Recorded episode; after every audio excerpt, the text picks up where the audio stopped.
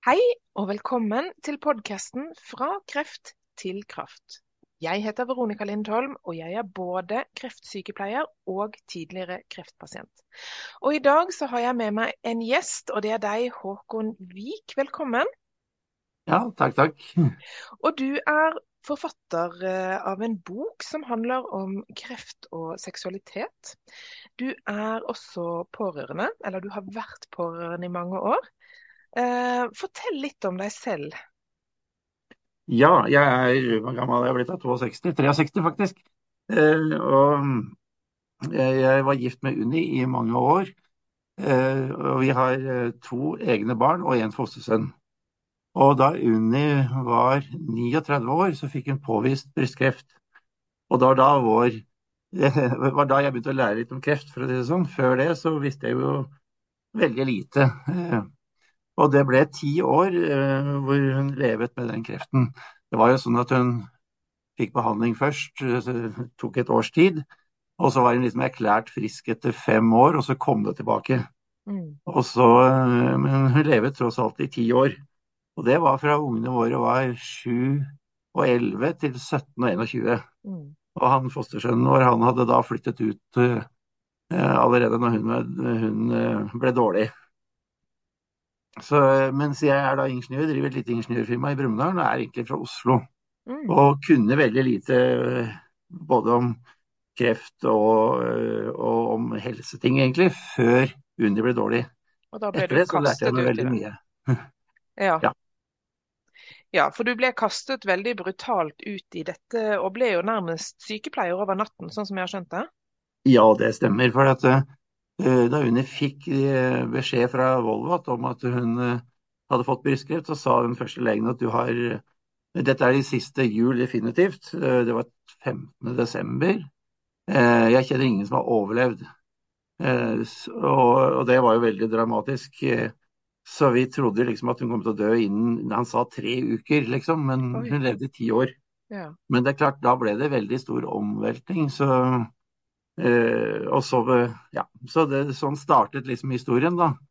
Eh, rett på, liksom, fra å være friske og raske, og vi drev og tenkte at vi, å, så mye fint vi skulle gjøre det å bli pensjonister. Mm. Og så fant vi plutselig ut at det blir vi ikke.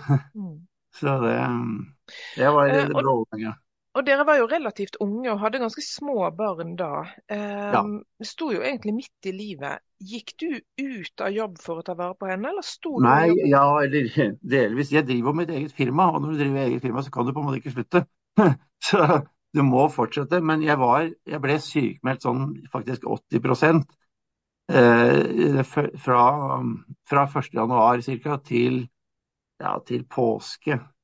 Eh, og så trappet jeg opp igjen. altså Fra sommeren så jobbet jeg vanlig igjen. og Etter det så ble jeg aldri sykemeldt, selv om jeg sikkert burde vært det på slutten. Det siste år hun levet, da var jeg sykepleier om, nesten på heltid, men jeg jobbet jo på heltid i tillegg til det. Mm. så det klart ble ganske, ganske slitsomt. Ja, men det blir sånn du, i, i, og med at jeg fikk ti år på å lære, på en måte, så klarer du det. mm. Og samtidig skulle du ta vare på to barn? Ja, det var akkurat det. Og to barn pluss et uh, fire mann på firma. Altså, uh, og en svigermor som var dårlig, som døde midt oppi dette her. Og, og, faren min som fikk ALS, som var en sånn ganske vanskelig sykdom. Midt oppi det hele. Så på et, det året hun døde, så døde fire av mine nærmeste samtidig. Så var, da var det ganske harde kjør her. Kan jeg spørre om du fikk en kollaps i etterkant? Altså Falt du sammen, eller klarte du å gå videre? Nei, jeg gjorde heldigvis ikke det. Eh, og men jeg var sliten, det var jeg. Eh, men jeg, jeg, kollapset heldigvis ikke, og det var vel litt sånn eh, Jeg hadde jo jobbet så intenst og hardt, og så tåler kroppen min veldig mye. Mm. Eh, og så måtte jeg fikse begravelsen, og så bodde jo Knut, sønnen min, han bodde jo hjemme ennå. Så jeg kunne jo liksom ikke gi opp, jeg da. Så, så jeg gjorde heldigvis aldri det. Hadde du noen som tok vare på deg oppi alt dette? Eh, ikke så mye, men du kan si jeg hadde min, min svigerinne Unis søster og, og, familien hennes, de er nesten naboer. Og de, de var veldig støtte, egentlig.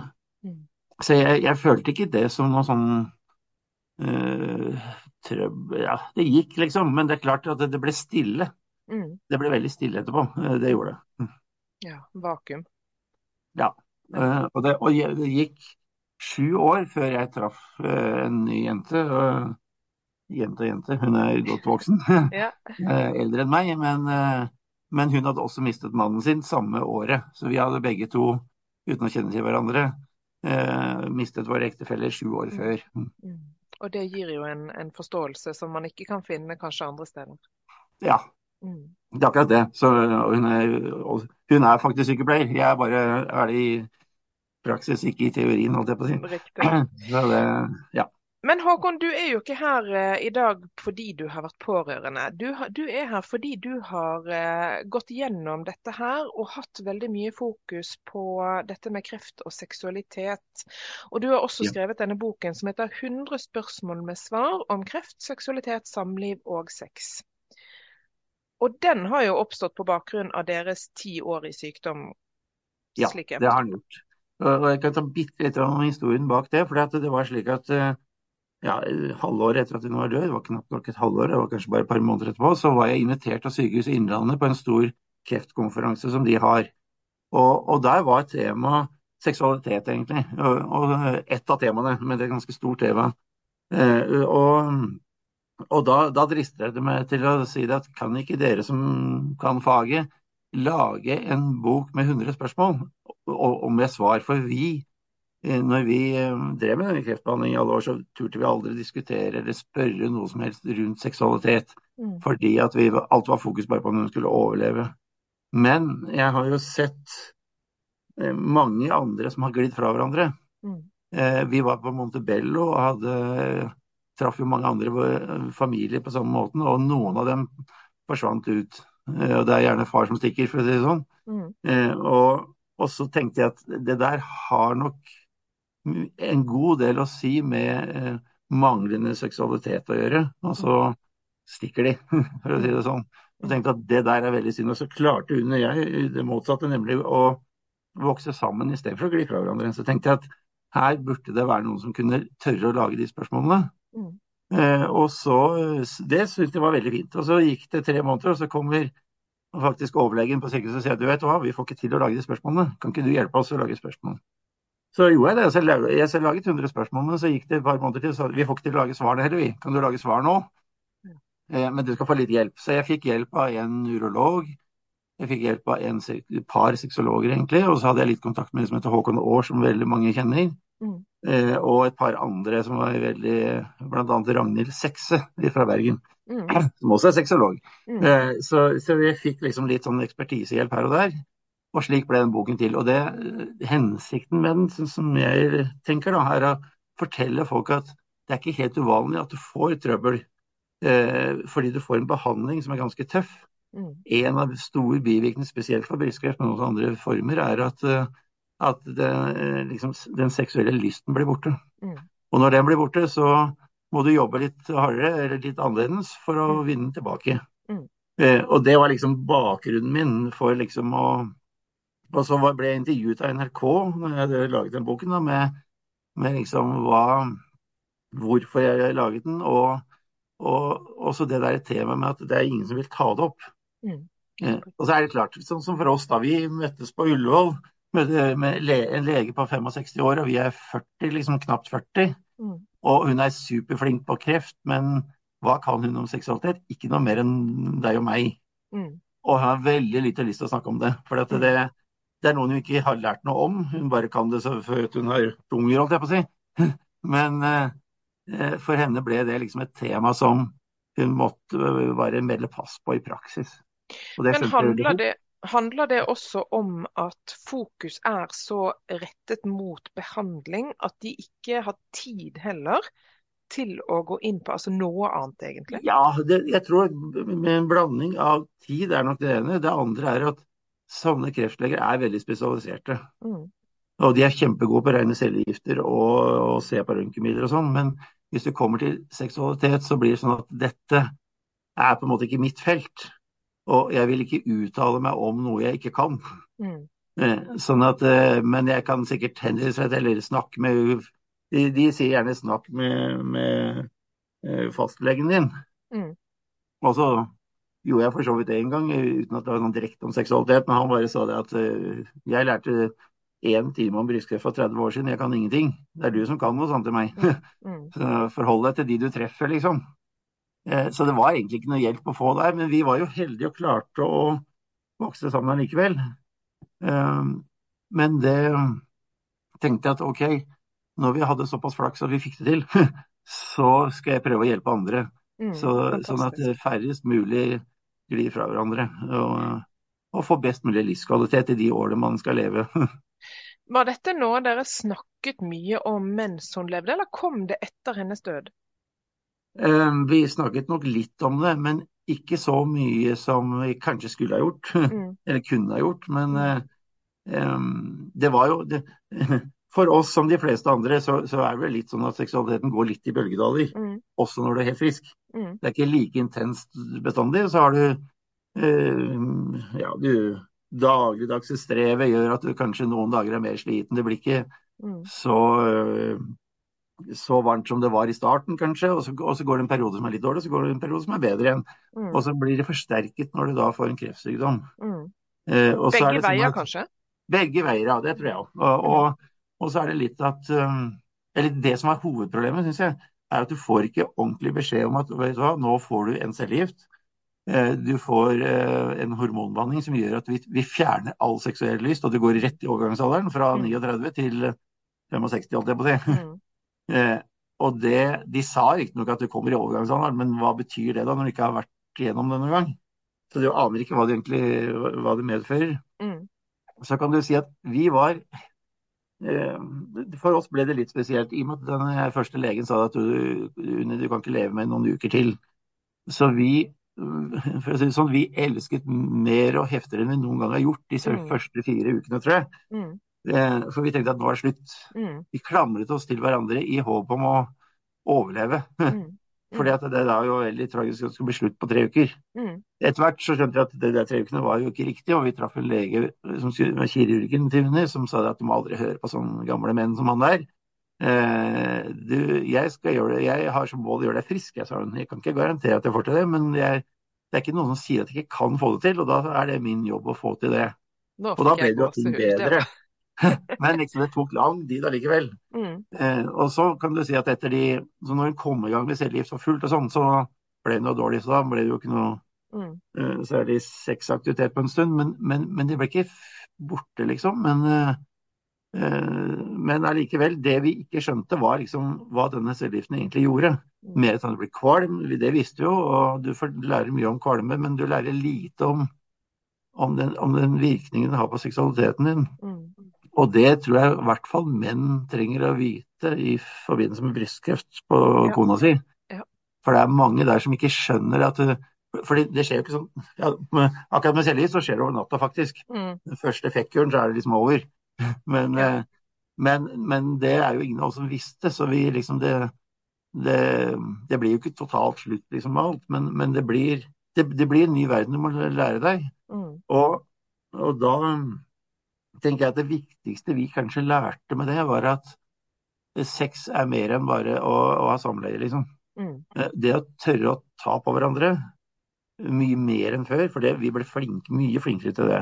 Mm. Eh, Det var liksom, hvis du sier før og etter, så kan du si at før hun var syk, så var jo vi som sikkert som alle andre. Du har sex sånn passe, det du selv syns er passe ofte. Kanskje mannen syns det er sjeldnere og kona litt oftere, men Mm. men dere finner ut av det og er fornøyd. Eh, Men så når det da blir eh, en sånn, sånn kreftbehandling, så blir ting snudd på huet. Mm.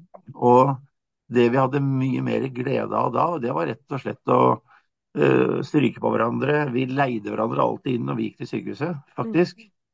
Um, for det er noe med å komme nærmere hverandre og ikke gli fra hverandre. Mm. Skaper den nærheten. Ja, altså jeg syns det var veldig viktig Jeg tror det var, var faktisk viktig for vår seksualitet til og med, at vi faktisk turte å leie hverandre offentlig Mm. inn på sykehuset, og at jeg alltid var med. Jeg var med hver bidige gang hun var på noe, så det var faktisk 400 dager jeg loggført på sykehuset. Over ti år, så det er mer enn vanlig, kan vi si. Det er. Men, men i starten var det ikke så mye.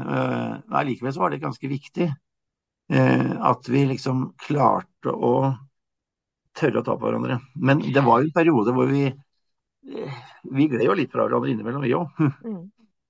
Du startet med å si at det ofte er mannen som går. Ja. Um, og det er jo fysiologisk sånn at mannen har et, et fysisk behov for å tømme seg. Han produserer ja. jo, ikke sant. Ja. Um, og når han ikke får gjort det, så, så, vil det kanskje være naturlig å søke andre veier. Tenker du at det er, at det er derfor menn går, eller er det fordi de er redde for eh, å miste seksualiteten, eller å miste nærheten, ja. eller Jeg tror det, er en blanding. Det er Um, det, og så er vi jo forskjellige, ikke sant. Men, men for, for, mange er det nok kanskje det å miste eh, Aldri ha samleie mer, da. De mm. tenker at det kommer aldri til å gå mer. For det er vikt, så viktig for en mann? Jeg tror det. På sikt mm. er det det. Eh, mm. Og, da snakker jeg ikke om to uker eller fire uker, men bare et nei, nei. år, kanskje. Mm. Sånn at det jeg syns jeg har sett tendens til, da, er at en del de stiller opp for kona i starten. Og så når hun liksom er ferdigbehandlet, etter tre måneder kanskje mm. Si at hun har fått Hun har blitt operert, da, eh, og så har hun fått uh, noe cellegift kanskje, og, i hvert fall stråling. Mm. Så det tar liksom tre-fire måneder kanskje. I den tida så er det ikke så mange som stikker. Eh, men så kommer hverdagen, og så, blir, og så tenker jeg at nå skal jeg være helt frisk igjen. Dessverre er det ikke det. Eh, og, og det, det, er da på en måte det problemet melder seg. For da tenker mange at ja, men nå er det jo over. Mm. Nå skulle alt være som det var før. Og det blir det ikke. Eh, I hvert fall ikke for oss. For de fleste jeg har truffet, så er ikke ting helt normalt igjen. Noen er heldige. og Hvis du slipper cellegift, det er kanskje en stor fordel, da blir det lettere. Eh, men uansett så du har litt psykiske reaksjoner. Bare frykten som du har levet i.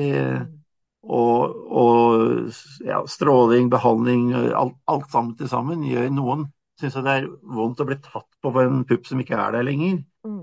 Det kan være litt ekkelt. Ehm, tror, ja, ja, vi hadde aldri noen problemer med det, men noen har nok kanskje det.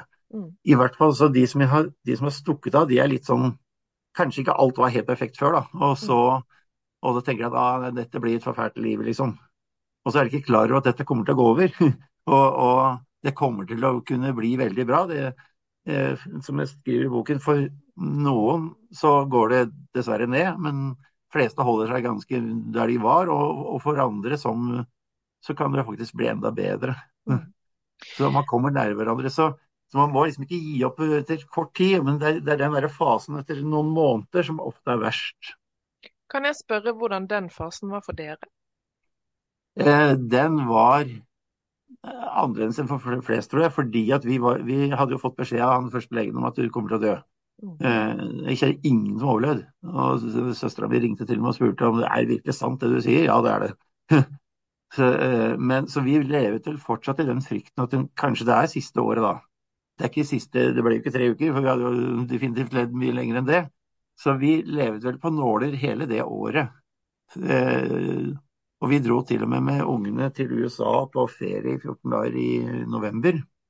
Vi tenkte at hvis det er vår siste jul, da, så skal vi i hvert fall ikke vi skal ikke vente til å bli pensjonister men gjøre ting som vi hadde lyst til å gjøre. Mm. Eh, sånn at i den perioden der så, så Jeg vet ikke. Jeg var sikkert mye mer tolerant og på et vis.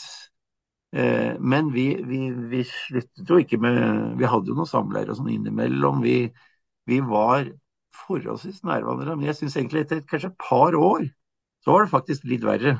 Mm. For da tenkte jeg liksom at ja, nå blir det på det nivået det er nå, liksom. Mm.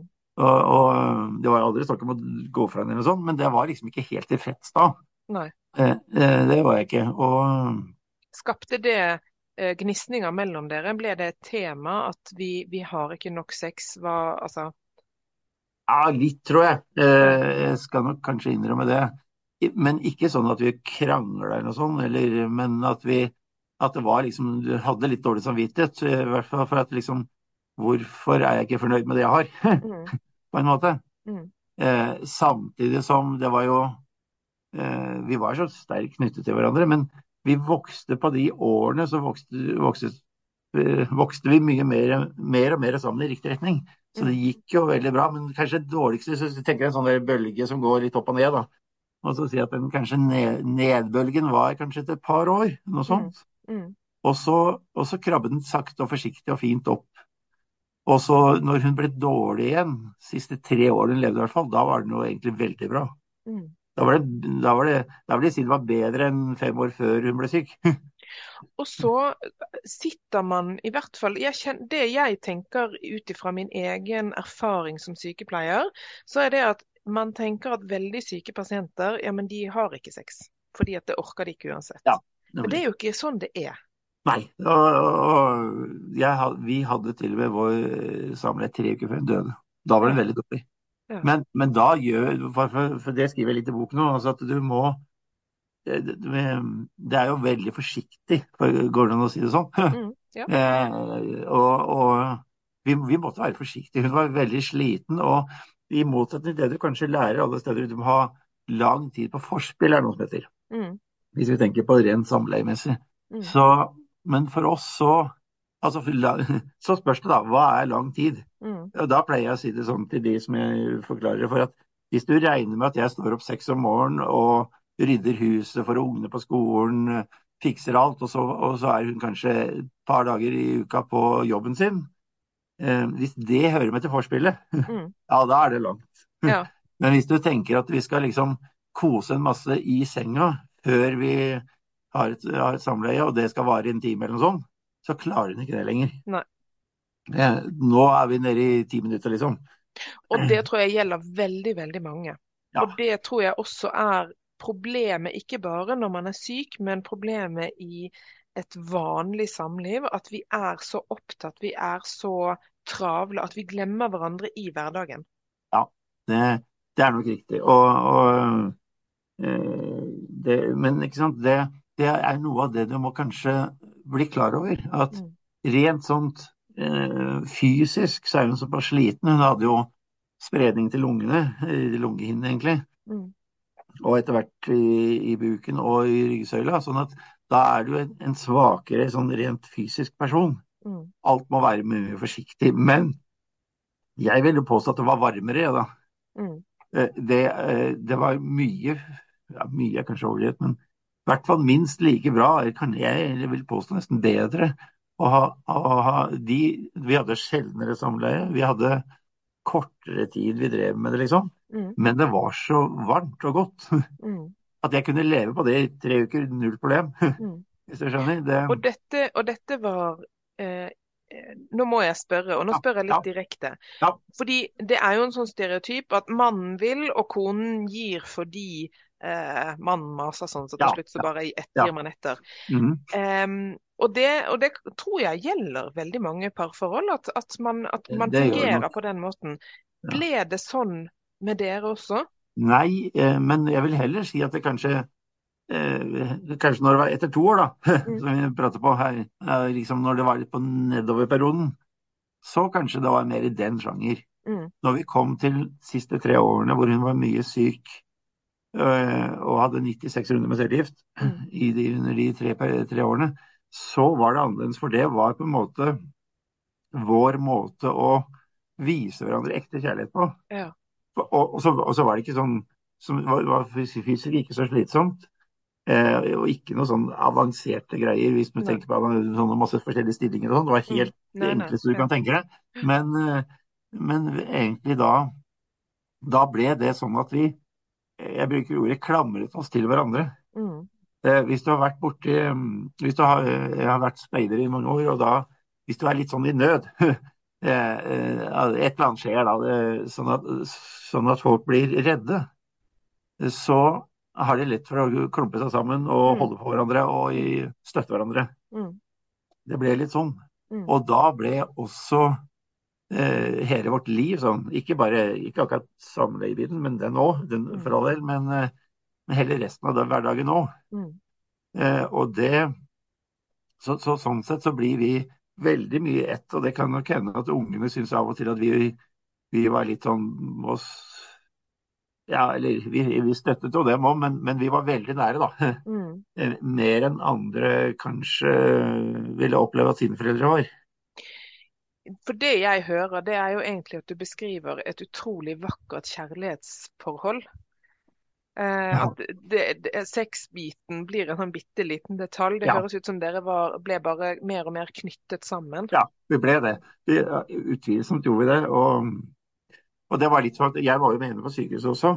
Mm. Eh, og veldig ofte måtte jeg stelle henne og fikse ting der. Eh, alt fra å sette sprøyter til, eh, ja, til, til det du trenger å gjøre, liksom. For, og det var for meg veldig positivt. For da fikk jeg lov å gjøre noe.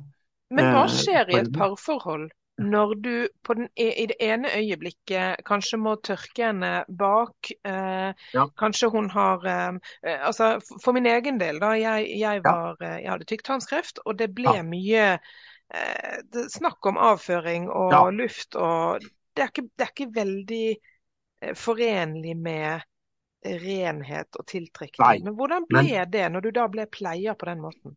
Helt greit, egentlig.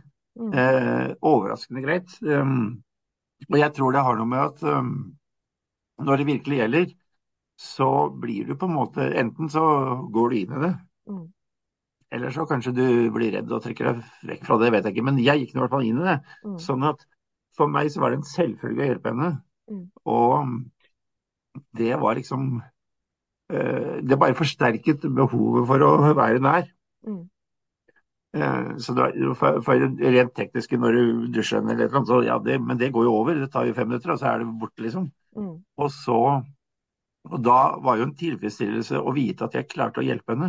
Mm. Jeg hadde en litt sånn spesiell situasjon, jeg tror jeg kan nevne det litt forsiktig. Det var, hun, hun var jo veldig dårlig en, en liten stund når vi var på sykehuset, og trengte dusjing rett og slett på morgenen. Og, og da var det en hjelpepleier sykepleier som, som skulle hjelpe henne en dag, og det gikk ikke så bra. Hun kje- kjefta på Unni, hun, var hun syntes hun hadde grisa seg så fælt.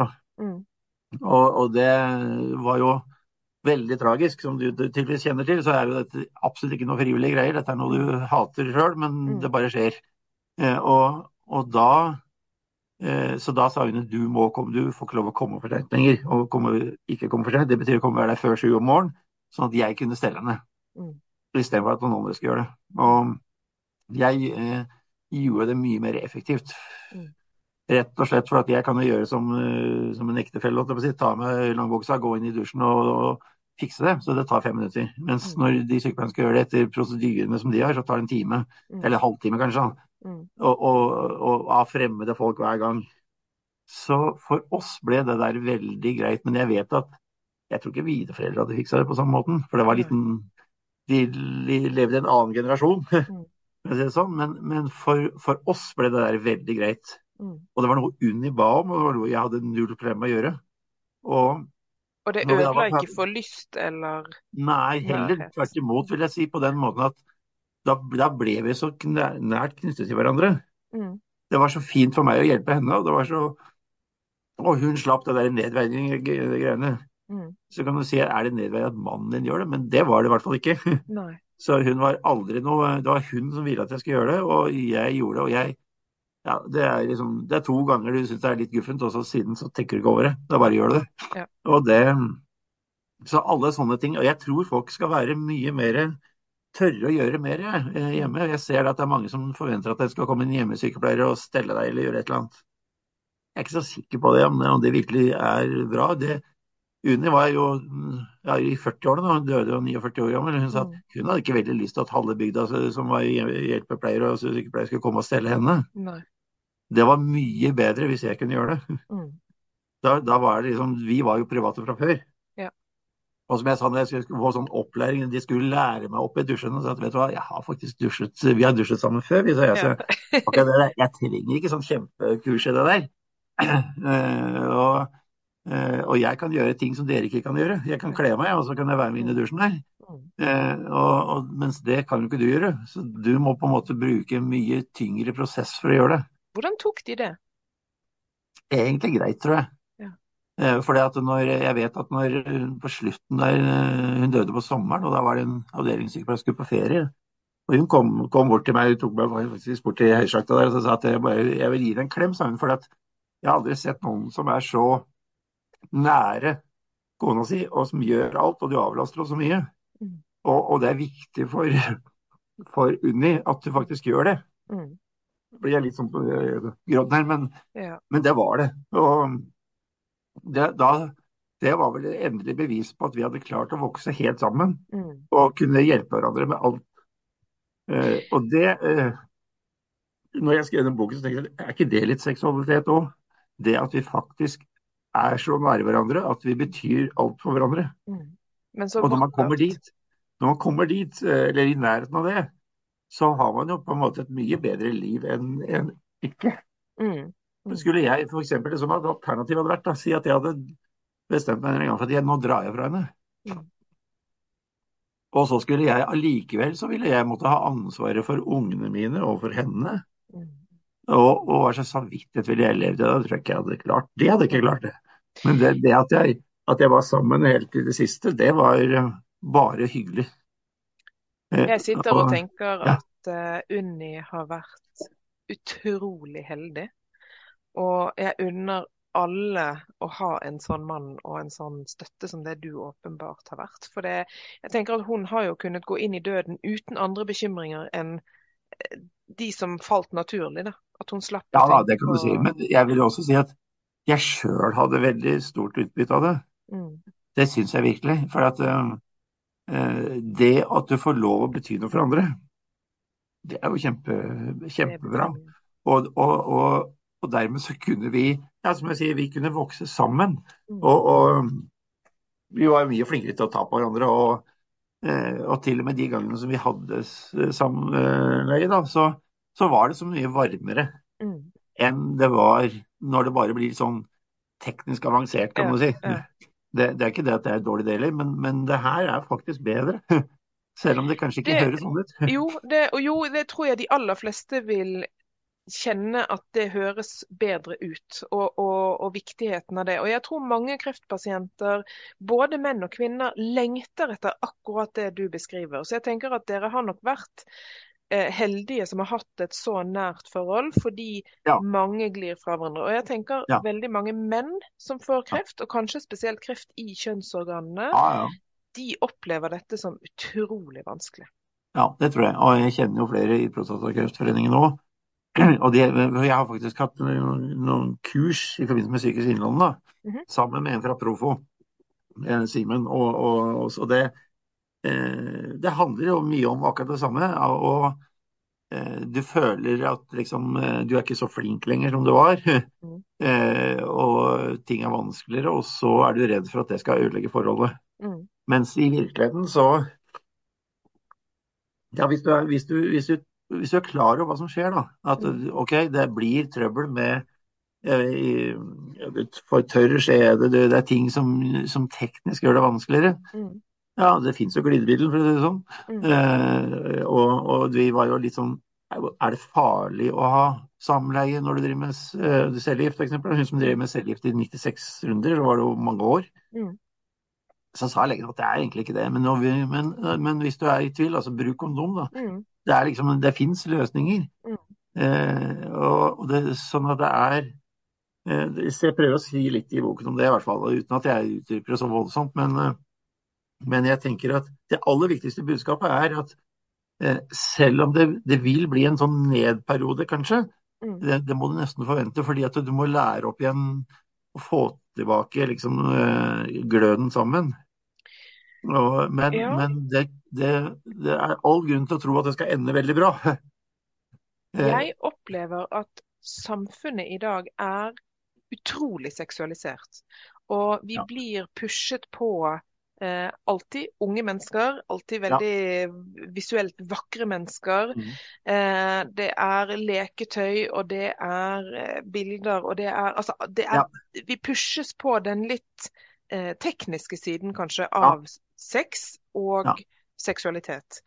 Og så glemmer man kanskje at sex ikke er bare noe som hører ungdommen og det vakre til. Sex varer hele livet for veldig, Yes. veldig mange. Ja. Eh, handler det om at vi er blitt så vant til at sex det er bare noe som skjer mellom 16 og 23-aktig? Eh, at vi ikke Ja. tør å ta tak i disse tingene og snakke om det og, og ha en åpen dialog rundt det? Jeg tror litt det. Og så tenker jeg at um, ja, én ting er liksom hvis du tenker sånn helt praktisk på det. Da. Akkurat når du har samleie, så er det veldig godt. Men det er også veldig mange andre som er godt. Mm. Som kommer litt i bakleksa. Særlig fordi du sier ikke at nå er det sexleketøy, og det er alle mulige rare stillinger og alt mulig rart. Altså, Mm. ja, det som skal gi så veldig mye mer. Men Mm. det som gir mest, er faktisk gode følelser for hverandre. Kjærlighet. Ja. Som så ender opp i senga til slutt, kanskje. Mm, Men mm. liksom det å eh, Jeg tror folk har liksom til en viss grad eh, skjøvet det derre samlivbiten sin bare inn i senga. Mm. Eller hvor den enn foregår. Men liksom eh, en, og, uansett så er jo det noe som tar maks en time, da. Og kanskje Mm. for de fleste tre minutter. Mm. Eh, sånn at det er jo resten av livet som er viktig i Ja. tillegg. Ja. Eh, og det eh, som, som bare det der å som jeg sier, leie hverandre til sykehus og tørre å klemme hverandre. Mm. Eh, de fleste, hvis de spør seg sjøl, de kysser kanskje mindre enn de gjorde da de var, eh, før de gifta seg, alt, eller ble Mm. samboere. Mm. Eh, det liksom noen, der fins en del andre ting som man kanskje glemmer litt, og så blir det litt sånn at eh, når du får en sånn kreftverden å leve i, så er det noen bagateller som blir litt mindre viktige. Mm. Eh, Det syns jeg nok. Det, er, det, du, det ender med at du snevrer inn alt du driver med, til det som virkelig betyr noe. Mm. Og, og det som virkelig betydde noe for oss, var jo åssen det skulle gå med ungene, åssen vi skulle ha det, åssen det gikk med bestemor som var syk, og faren min som var syk, og sånn. Mm. Eh, og, og om det da Ja, du slutta å klage på skatten og alt mulig annet som du klagde på når du liksom eh, eh, når, når du hadde eh, Når du levde normalt, da. Mm. Når du kom inn i en sånn situasjon, så var, det my var livet mye viktigere. Ja. Og ikke minst for ungene mine, så det å få lov å eh, Unni fikk en nevropati, det er ganske mange som får. Det er sånn, Ja. Du får smerter i fingre og i, i tær. Mm. Eh, og, og det å da bli massert der, eh, som jeg gjorde, som Maria og Knut gjorde mye Mm. Ungene fikk være med og gi mor eh, Gjøre noe for mor som mor syntes var godt. Mm. Og det var veldig viktig for dem. Mm. Og, og det, var, eh, det var også viktig for meg. Så på samme måte som når jeg da eh, Etter hvert så fikk hun noen sånn spredning til eh, lungeposen. Det betyr at hun puster dårlig. Mm. Så det å massere henne på ryggen for å få pusten til å gå bra, Mm. det var viktig. Men det, og, det gir også nærhet. Mm. Det gjør det. Så det at jeg fikk lov å føle at hun fikk det bedre når jeg masserer henne, Mm. Så kunne, og, og da og så, så var det ikke bare jeg masserte henne, men hun kunne da klappe meg, og gjøre ting med meg som, som jeg òg syntes var veldig bra, og som var mye bedre enn hvis hun hadde gjort det samme øh, for lenge siden. For, sånn. for da hadde hun ja. kanskje oversett det litt, eller tenkt at ja, ja, det er liksom, men det som betyr noe, er liksom senga. Men, Mm. men det er ikke øh, heldigvis ikke det. Nei.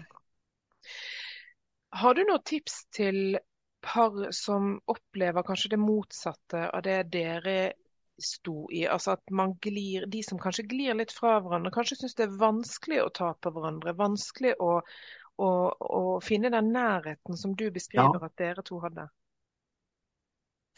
Godt spørsmål. Det, jeg, jeg kan ta en litt annen vri på det.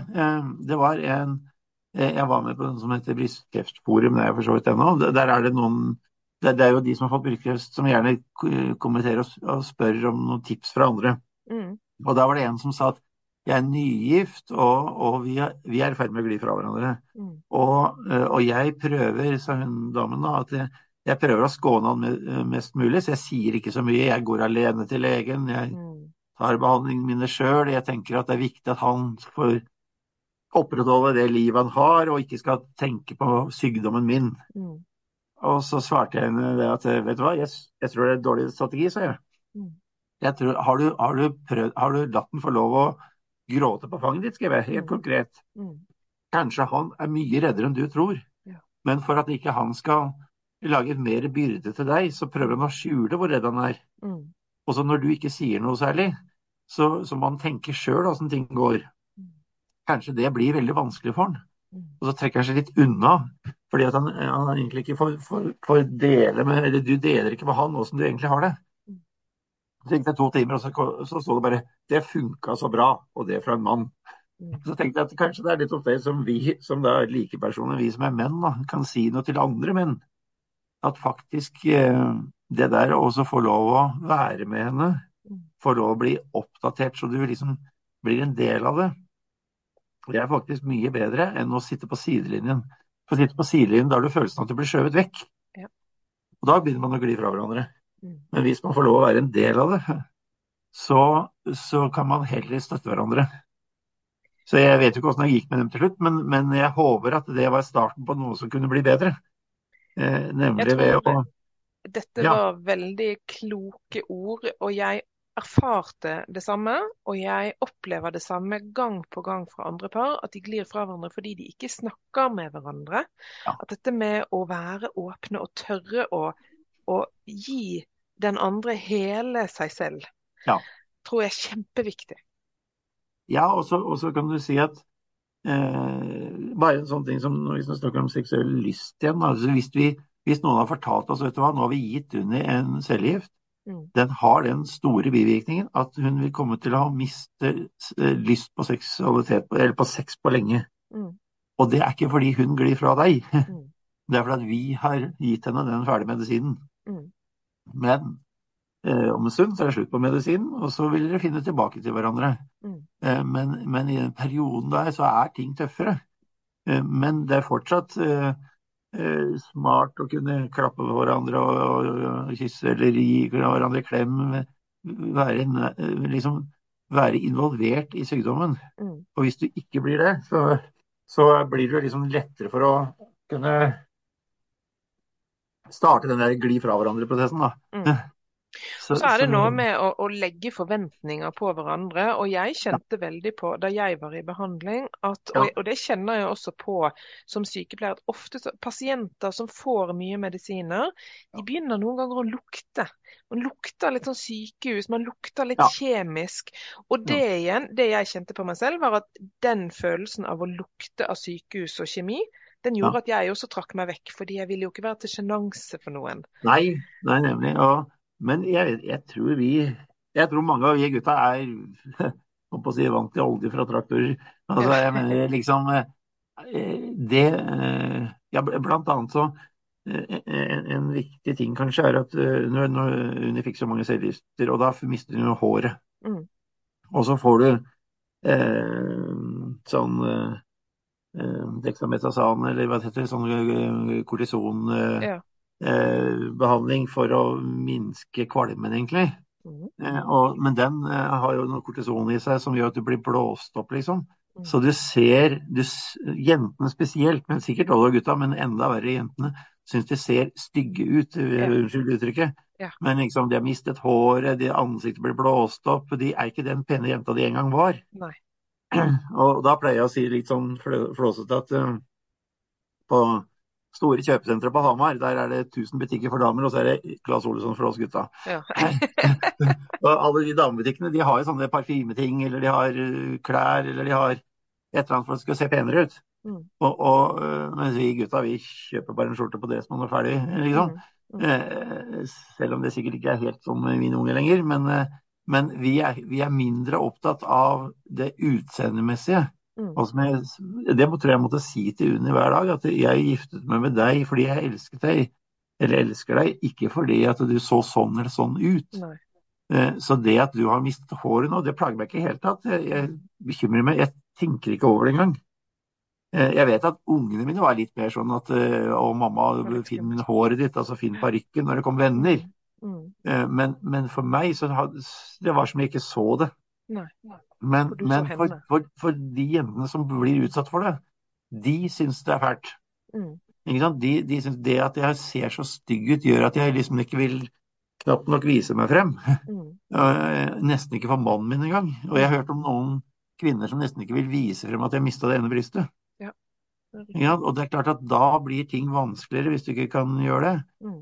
Men, men, og, så det er òg en del av de viktige tingene som jeg sier at prøv å glemme det litt. Mannen din, han bryr seg ikke om det. Mm. Jeg skjønner at venninne, og du syns det er ekkelt for overfor venninnene dine. Det kan jeg godta. Mm. Men akkurat overfor meg har det ingen betydning.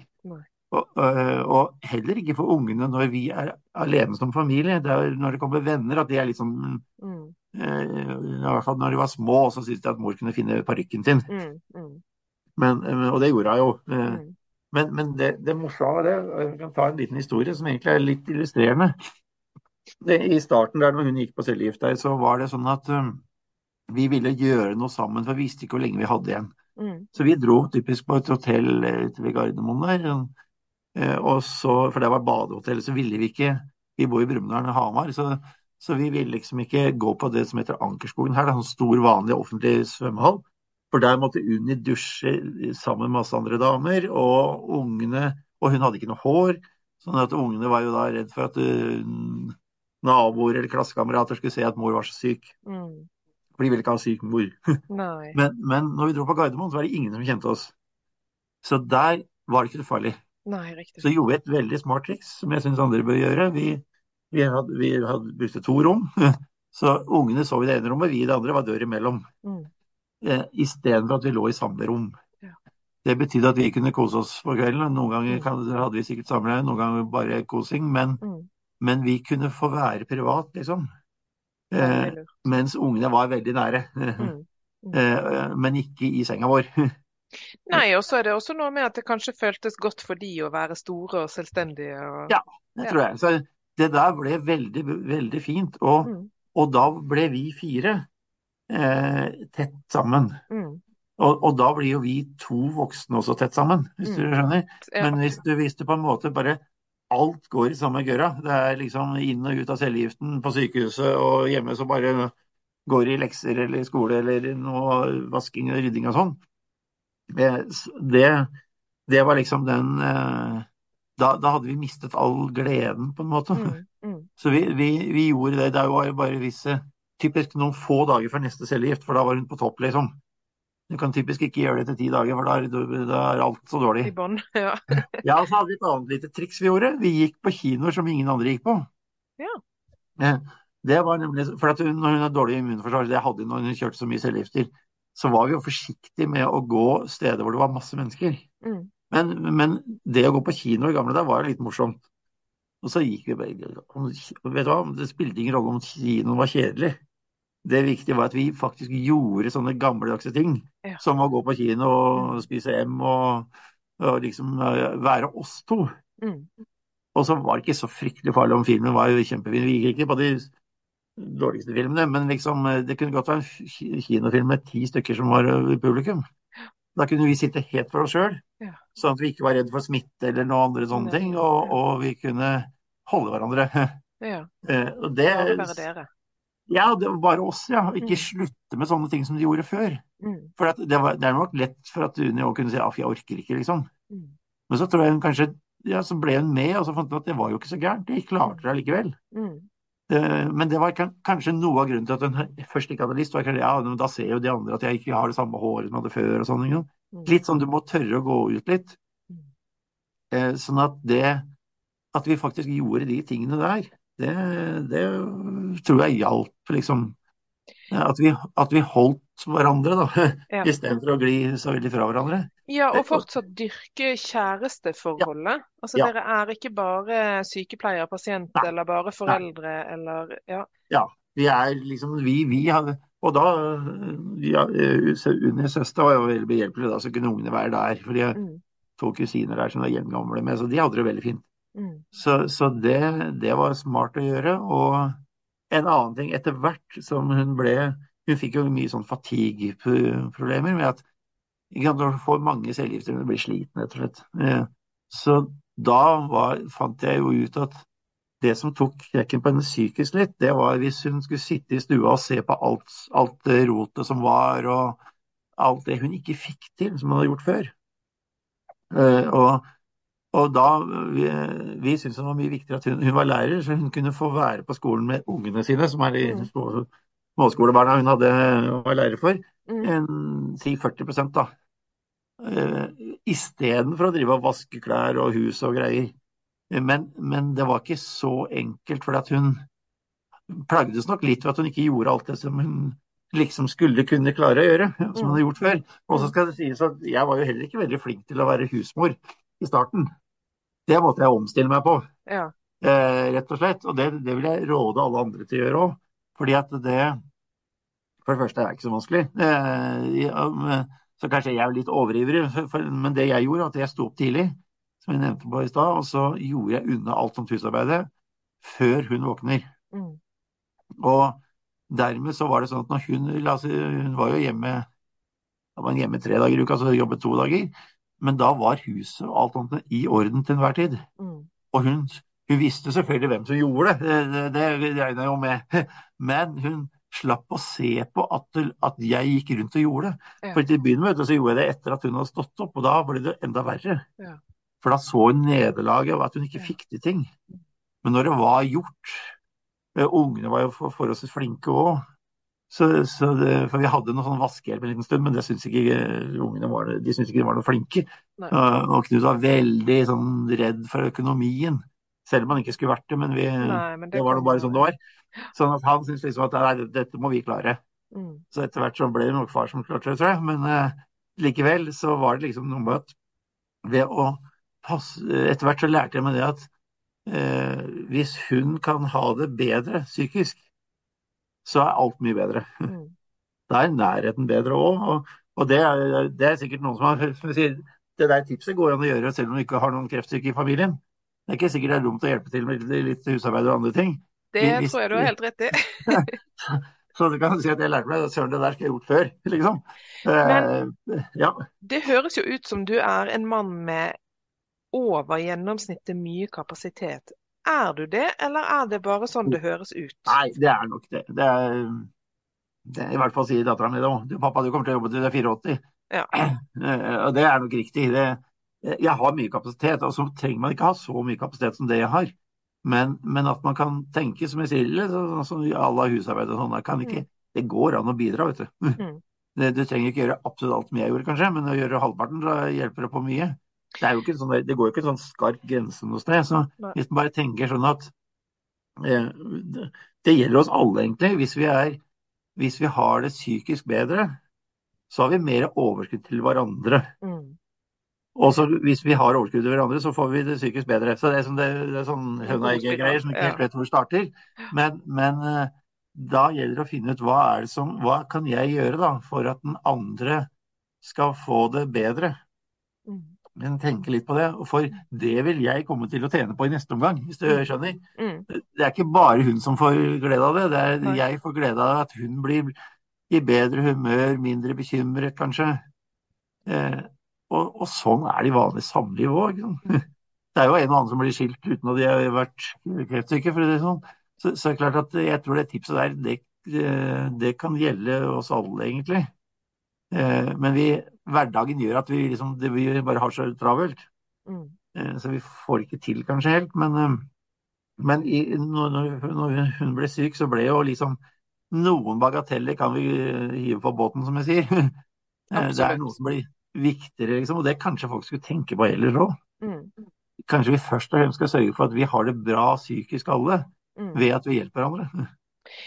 Jeg tenker at eh, når jeg sitter og hører deg nå, så tenker jeg at alle kreftpasienter, eller alle pasienter, eller alle mennesker kanskje burde ha en ektefelle som deg. For jeg hører jo at du er eh, veldig varm og veldig obs på de rundt deg, og det tenker jeg Unni har eh, nytt stor glede av. Og forhåpentligvis de som er rundt deg, gjør det fortsatt. Men du har jo Ja selv stått i en sorg oppi dette her, for du så jo hvor syk hun var. Ja da. Du varer på deg selv også. Altså det, du kan si Redningen min i helt i starten i hvert fall, var kanskje mor. Min mor. Fordi at eh, det, det, det var Det som har plaget meg mest, var liksom hvordan skal jeg fikse når, når, når Unni er død, Mm, og jeg skal være alenefar. mm, Og ungene, hvordan vil de ta det, at det å miste mor? Mm. Særlig hvis jeg trodde, jeg trodde at det skulle skje i tre-fire uker, ikke sant? eller første året. da. mm, Så den eneste jeg kunne snakke med da, som jeg turte å snakke med, var moren min. mm, For hun var, hun var skrudd sammen på samme måte som meg, egentlig. mm. Eh, veldig sånn omsorgsfull type, men, og, og ganske arbeidsom. Mm.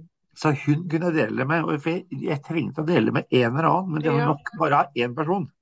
Faren min var litt sånn, han På det tidspunktet der så var han turbomann, så han, eh, han sa dette går over, liksom. Det dør, og så får du deg ny kone, liksom. Mm. Oi, ja. Ja, det var vel egentlig navnet som sa det, men, eh, men det var litt samme stilen, tror jeg. Mm. Så, sånn at det, det var ikke noe støttende, vet du. Nei. Men derimot mor var jo en helt annen person. Sånn at jeg kunne gråte sammen med henne, på si. På telefonen bare. Hun bodde Ja. i Oslo i Brumunddal. Men det var egentlig det viktigste, at du har- én som du kan betro deg til. Mm. Eh, og så, så kommer ikke hun med noe fasit, det er ingen som har noe fasit. Men det er bare det at, at du gidder å høre på det. Mm. Bekymringen din. Det, er, det, var kanskje den ene tingen, i hvert fall. Og så ja, det var en ting til jeg tenkte på, men, men, men det er noe med at det er så mye fokus på den som er syk, at man ja. noen ganger glemmer litt den som står ved siden av. For det er beintøft å være pårørende òg. Ja. Um, og den ventesorgen som du kanskje har gått med da i ti år, den tar jo og stjeler mye krefter, den òg. Den gjør det. Og jeg har et stor drøm, og den, for jeg uh, underviser en del på sykepleierhøyskoler i, i det å være støtte, altså for sykepleiere, å være støtte til pasient og pårørende når det virkelig gjelder. Mm. Og, og, der er jeg liksom litt sånn Kan ikke dere faktisk ta et møte med den som er pårørende? Mm.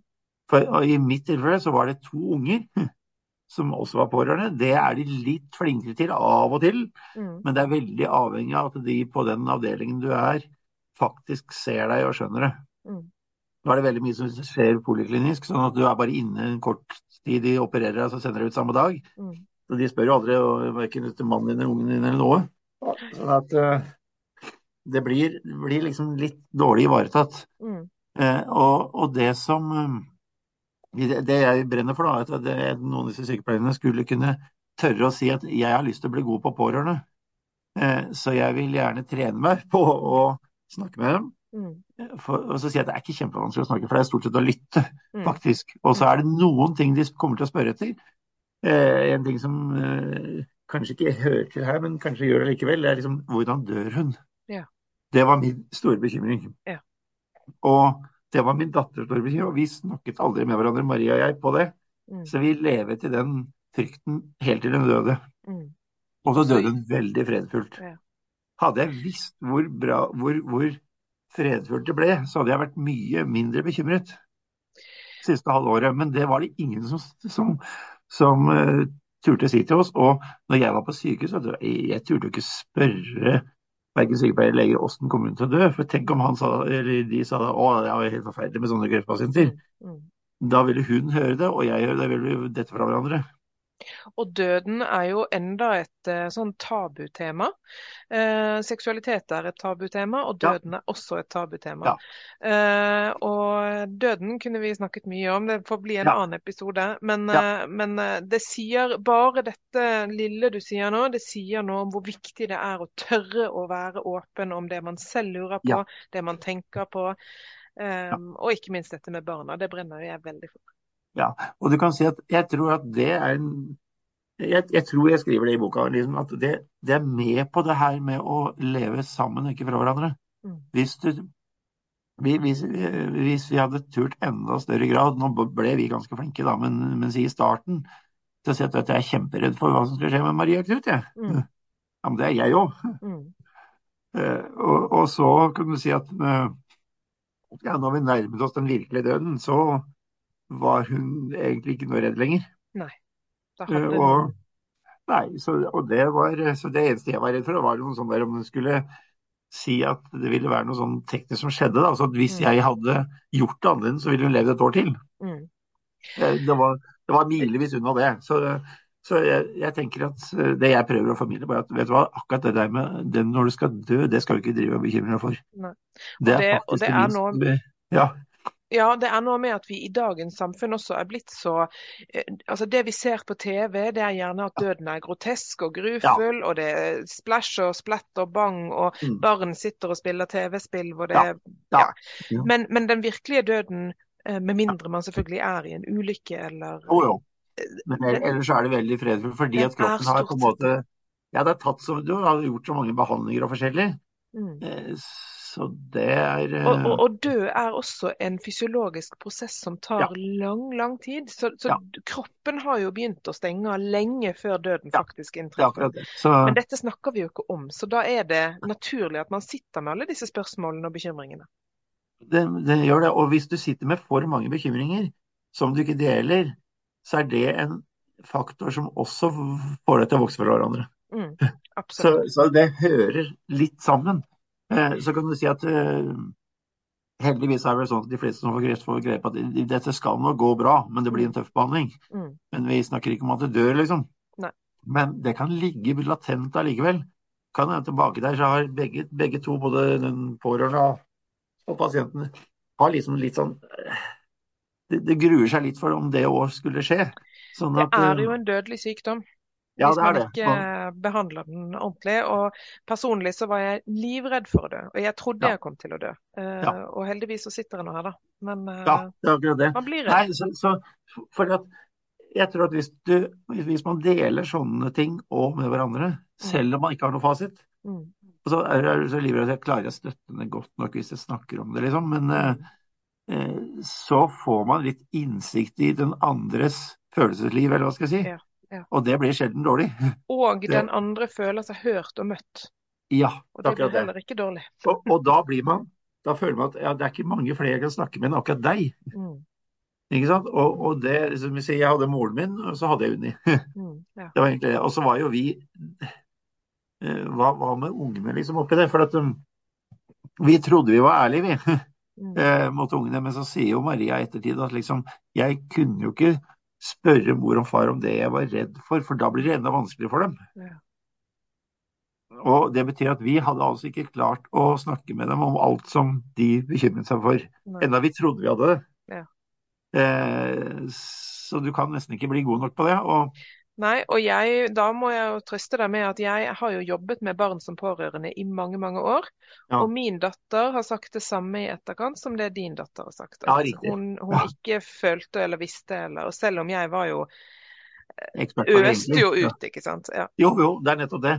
Og sånn at det Nå har jo Maria blitt sykepleier òg, så hun har jo eh, eh, Hun har faktisk da tatt litt tak i det sjøl, syns jeg, i forhold til barn hun kommer borti. Mm. Eh, og det er jo det jeg drømmer om med de andre sykepleierne. At kanskje si at vet du hva, prøv, vi, jeg skal snakke med ungene for deg. Mm. Sånn at de får følelsen, de får spørre om det de er redd for å spørre om. Nemlig. Eh, og så er det ikke så fryktelig masse ting de lurer på, men det er noen viktige ting. Mm. Eh, og det får de tryggheten fra meg på. Mm. Og så, hvis dere, hvis dere da klarer å snakke sammen, dere som voksne, så vil dere Jo mer du deler av vanskelige ting, jo nærmere kommer vi hverandre.